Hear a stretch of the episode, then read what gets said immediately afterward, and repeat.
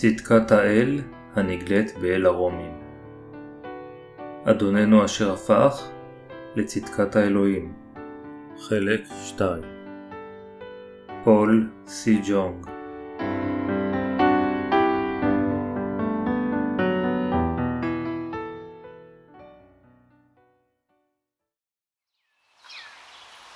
פרק 7 דרשה מספר 1 הקדמה לאל הרומים, פרק 7 כשהוא מהרהר על העובדה שלפני ישועתו, בשרו נידון למוות על ידי תורת האלוהים, פאולוס השליח התוודה באמונה שהוא היה, על ידי האמונה בישוע המשיח, מת לחטא. לפני שפגשנו את צדקת האלוהים, כלומר, לפני שנולדנו מחדש, אלה מאיתנו אשר האמינו בישוע, נהגו לחיות תחת השליטה וקללתה של התורה. לפיכך, התורה הייתה שולטת בנו אם לא היינו נושעים מחטאינו על ידי פגישתנו בישוע המשיח, אשר הביא לנו את צדקת האלוהים. פאולוס דיבר על עניינים רוחניים אשר אינם יכולים להיות מובנים בקלות בבשר, כלומר, אלה אשר מתים לחטא אינם יותר תחת שליטת החטא, בדיוק כפי שאישה אשר בעלה מת, משוחררת לגמרי מהמחויבות לבעלה. ייתכן שקטע זה נשמע פשוט, אך מבחינה רוחנית הוא קטע מכריע. המשמעות היא שבין אם מאוהבים את זה או לא, אלה אשר לא פגשו את צדקת האלוהים, נגזר עליהם למעשה לחיות תחת קללת התורה, וזה מכיוון שהם עדיין לא פתרו את בעיית חטאיהם. אל הרומים פרק 6 פסוק 23 אומר לנו ששכר החטא הוא המוות, שמשמעותו שהחטא ייעלם רק כשחובו ישולם. אם האדם מאמין בישוע אך עדיין לא יודע על צדקת האלוהים אשר ניתנה על ידי ישוע, הוא עדיין חי בחטא וחייב לשלם את חובות החטא. זוהי הסיבה שעלינו לפגוש את צדקת האלוהים באמצעות ישוע המשיח.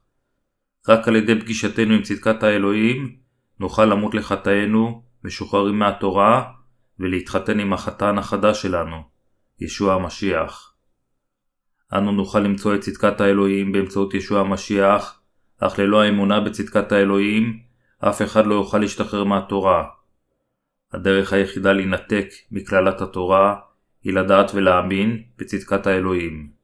האם מצאתם את צדקת האלוהים הזו באמצעות ישוע? אם לא, עתה הוא הזמן בשבילכם לנטוש את צדקתכם העצמית ולחזור בהכנעה לדבר האל. לעבר ישוע לאחר שהומתנו לחטא. פאולוס אמר לאחיו ברומא, הומתם גם אתם לתורה בגביית המשיח. עליכם לדעת בדיוק מה זה הומתם לתורה בגביית המשיח. אף אחד אינו יכול לבוא למשיח מבלי למות לחטא באמצעות גופו של המשיח. במילים אחרות, חטאינו חייבים למות עם הגוף של ישוע המשיח. זה אפשרי רק כאשר האדם מאמין בהטבלת ישוע על ידי אוכלן המטביל ובמותו על הצלב. אנו יכולים למות עם המשיח לחטא על ידי האמונה בטבילת ישוע בידי יוחנן. כיוון שישוע מת עם כל חטאי בני האדם אשר הובאו אל גופו עם טבילתו בידי יוחנן, חטאינו גם מתו עמו, כאשר אנו מאמינים בכך שזוהי האמת שכל חטאי העולם הועברו על ישוע באמצעות הטבלתו בידי יוחנן. אמת זו אינה צריכה להיות רק ידועה, אלא שמורה בליבנו באמונה. אנו חייבים לשמור אמונה זו עד שניכנס למלכות השמיים. זוהי הסיבה שפאולוס אמר שאומתנו לתורה באמצעות גופו של המשיח. לפיכך, אלה המאמינים באמת יכולים ללכת לישוע המשיח, לחיות עמו ולהניב את פירות צדקת האלוהים. אל לנו להאמין בפירוש המילולי הישן אלא באמת החדשה של הרוח. למעשה, החוטאים עושים יותר חטאים בגלל התורה. זה מכיוון שהתורה חושפת יותר חטאים אשר מוסתרים בתוכם, ועל ידי כך גורמת להם לדעת יותר על חטאיהם, וגורמת להם לחטוא אף יותר. אחד מתפקידיה של התורה זה לגרום לנו לזהות את חטאינו, אך היא גם חושפת יותר את טבע החטא, וגורמת לנו לעשות יותר חטאים. ללא התורה שאלוהים נתן לנו, לא היינו יודעים שיש כל כך הרבה חטאים המוחבאים בנו. אך אלוהים נתן לנו את תורתו, ותורה זו לא רק שגורמת לחטא להיות יותר חמור, אלא אף גורמת לנו לעשות יותר ויותר חטאים. לכן, פאולוס השליח אמר שכיוון שהומתנו לחטא באמצעות גופו של ישוע, עלינו עתה לשרת את ישוע עם האמונה בצדקת האלוהים. הוא אומר לנו לשרת את ישוע עם עזרתה של הרוח ועם מתנת הישועה אשר ניתנה לנו על אמונתנו השמורה עמוק בליבנו, במקום לשרת אותו עם הפירוש המילולי של הדברים. כפי שהתנ"ך אומר לנו, כי האות ימית והרוח יחיה, אנו חייבים ללכת אחר ישוע על ידי הבנתנו את המשמעות האמיתית של בשורת המים והרוח, אשר היא צדקת האלוהים. כאשר אנו מאמינים בדבר האלוהים במילים אחרות, עלינו לדעת ולהאמין במשמעות האמיתית, המוסתרת, בדברים הכתובים. אחי התורה חטי? חלילה. פאולוס הסביר את תורת אלוהים על ידי שהדגיש את תפקידה. זה מראה עד כמה חשוב להאמין עם הבנה נכונה את תפקיד התורה. פאולוס הסתכל בתחילה על חטאיו בדרכו שלו, ולכן הוא לא הכיר את חטאיו שלו. אך באמצעות תורת אלוהים, הוא היה מסוגל להבין שיש בתוכו לב חמדן. אני מקווה שגם המאמינים בישוע היום יהיו מסוגלים להגיע לאותה הבנה של התורה כפי שהובנה על ידי פאולוס. יש כל כך הרבה אנשים אשר לא מבינים את האמת של התורה ומתאמצים יותר ויותר לחיות את חייהם על פי התורה. הם הולכים לכנסייה וחושבים שאם הם יתאמצו קצת יותר, הם יהיו מסוגלים לקיים את כל התורה. אך למעשה, אנשים אלה לא יהיו מסוגלים לגלות בכלל את צדקת האלוהים. הם לא מבינים את המשמעות העמוקה של התורה שניתנה על ידי אלוהים, ולכן הפכו ללגליסטים. הם צבועים עיוורים, אשר אינם מסוגלים לראות אפילו את ליבם, והם אינם יודעים שהם עומדים כנגד צדקת האלוהים בציבור הנוצרי. יש הרבה אנשים כאלה בנצרות של היום, אלה אשר לא מכירים באמת את צדקת האלוהים, ואשר מקבלים את ישוע כמושיע נומינלי באמונה לגליסטית, הם לא יהיו פטורים מהעונש של מוות נצחי.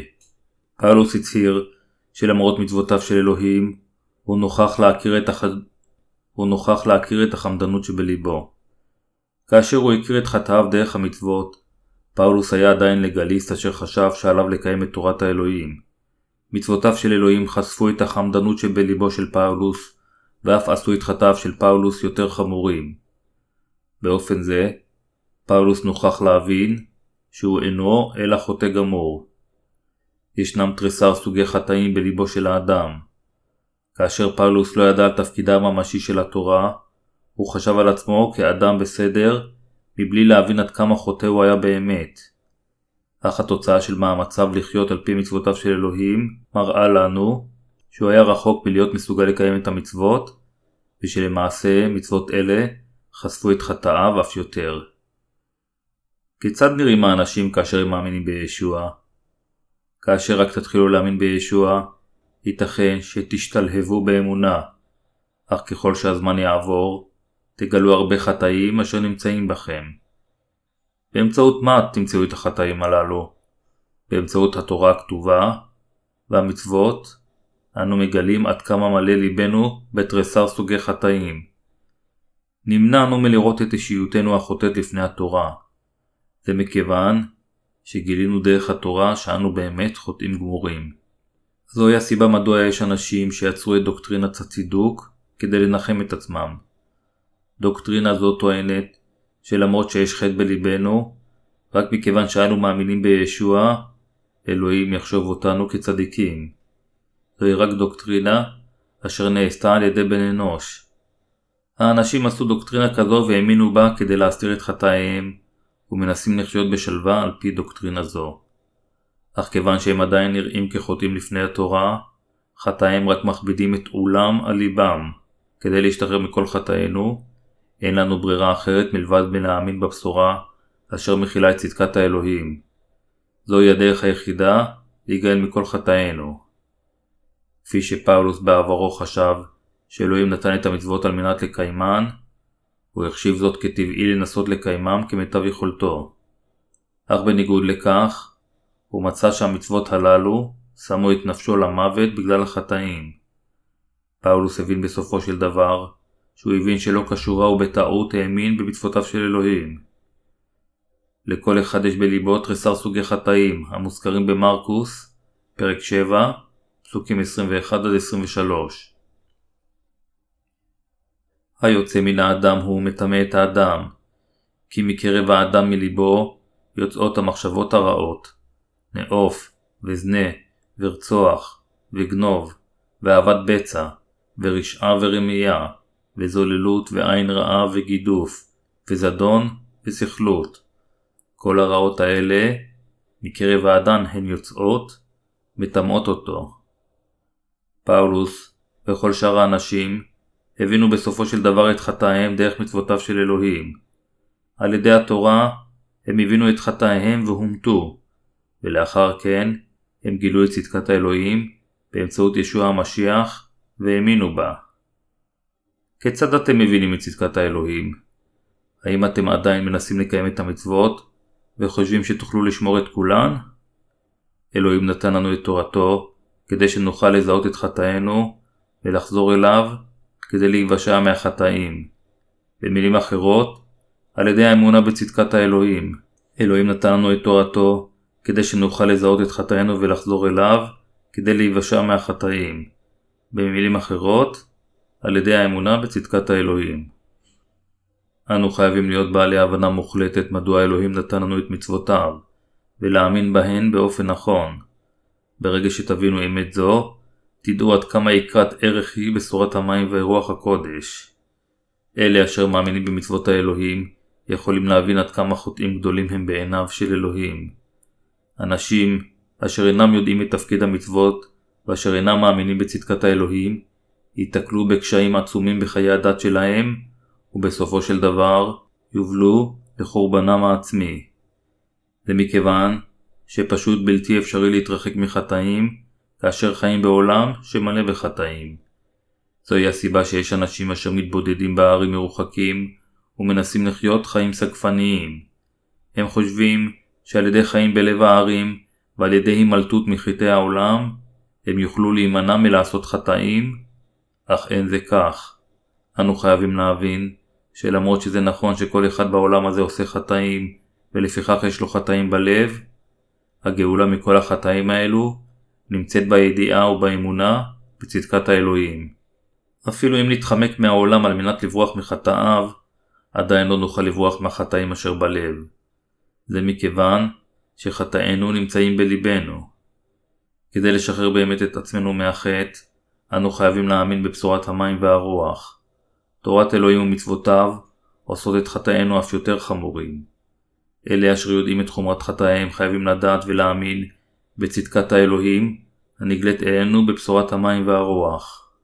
והמצווה אשר נתנה לחיים היא נמצאת לי למוות. כי מצא החטא סיבה במצווה להטעות אותי ויהרגני על ידה. אל הרומים, פרק 7, פסוקים 10-17. חייבת להיות לנו הבנה נכונה של התורה. אלה אשר לא הבינו בצורה מלאה את התורה, יבלו את כל ימי חייהם בתביעה בלגליזם, בניסיון לברוח מהתורה עד יומם האחרון.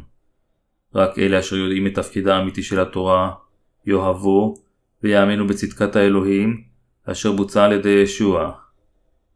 אם כן, האם אתם מכירים את צדקת האלוהים? פאולוס השליח אמר שמכיוון שבעבר הוא לא נולד מחדש, הוא היה שייך לבשרו ונמכר תחת החטא. הוא התוודה גם שאף על פי שהוא רצה לחיות על פי תורתו של אלוהים, לבסוף הוא עשה מה שהוא לא רצה לעשות, כלומר לחטוא. זה היה בגלל שלא הייתה בו רוח הקודש. באשר לא הייתה לו צדקת האלוהים, פאולוס התוודה שהסיבה שהוא עשה חטאים בניגוד לרצונו, הייתה החטאים אשר נמצאו בליבו, כיוון שהוא עוד לא מצא את צדקת האלוהים, בזמן ההוא. אף על פי כן, פאולוס הבין תורה אחת, ותורה זו הייתה תורת החטא, ההמחשה הבסיסית של העובדה שאדם אשר יש לו חטא בליבו, אינו יכול להימנע מלאכתו. הוא הבין גם שהאדם הפנימי שבו עדיין מתאווה תמיד לחיות על פי התורה של אלוהים. אך פאולוס התוודה שבדיוק כפי שעץ חטאים מניב פירות חטא, הוא היה חוטא שרק יכל להמשיך לכתוב, כיוון שהוא עדיין לא פגש את ישוע המשיח, ועדיין לא קיבל את מחילת חטאיו. במילים אחרות, זה היה הוגן מבחינתו למות בגלל חטאיו. זוהי הסיבה שהוא התוודה שהוא אדם אומלל וקונן. מי יצילני מגוף המוות הזה? אל הרומים, פרק 7, פסוק 24. כך זכר פאולוס את עצמו כאשר הוא היה אדם חוטא. עליכם לשקול להכיל את וידויו של פאולוס על עצמכם. האם אתם עדיין לא כלואים בגוף המוות הזה, אשר אינו מסוגל לקיים את התורה? אנו חייבים להאמין בצדקת האלוהים. צדיקות זו נסתרת בבשורת המים והרוח, ואנו יכולים להגיע לצדקתו על ידי האמונה בבשורה זו. פאולוס יכל להשתחרר מכל אומללותו על ידי האמונה בתבייתו של ישוע המשיח ומותו על הצלב.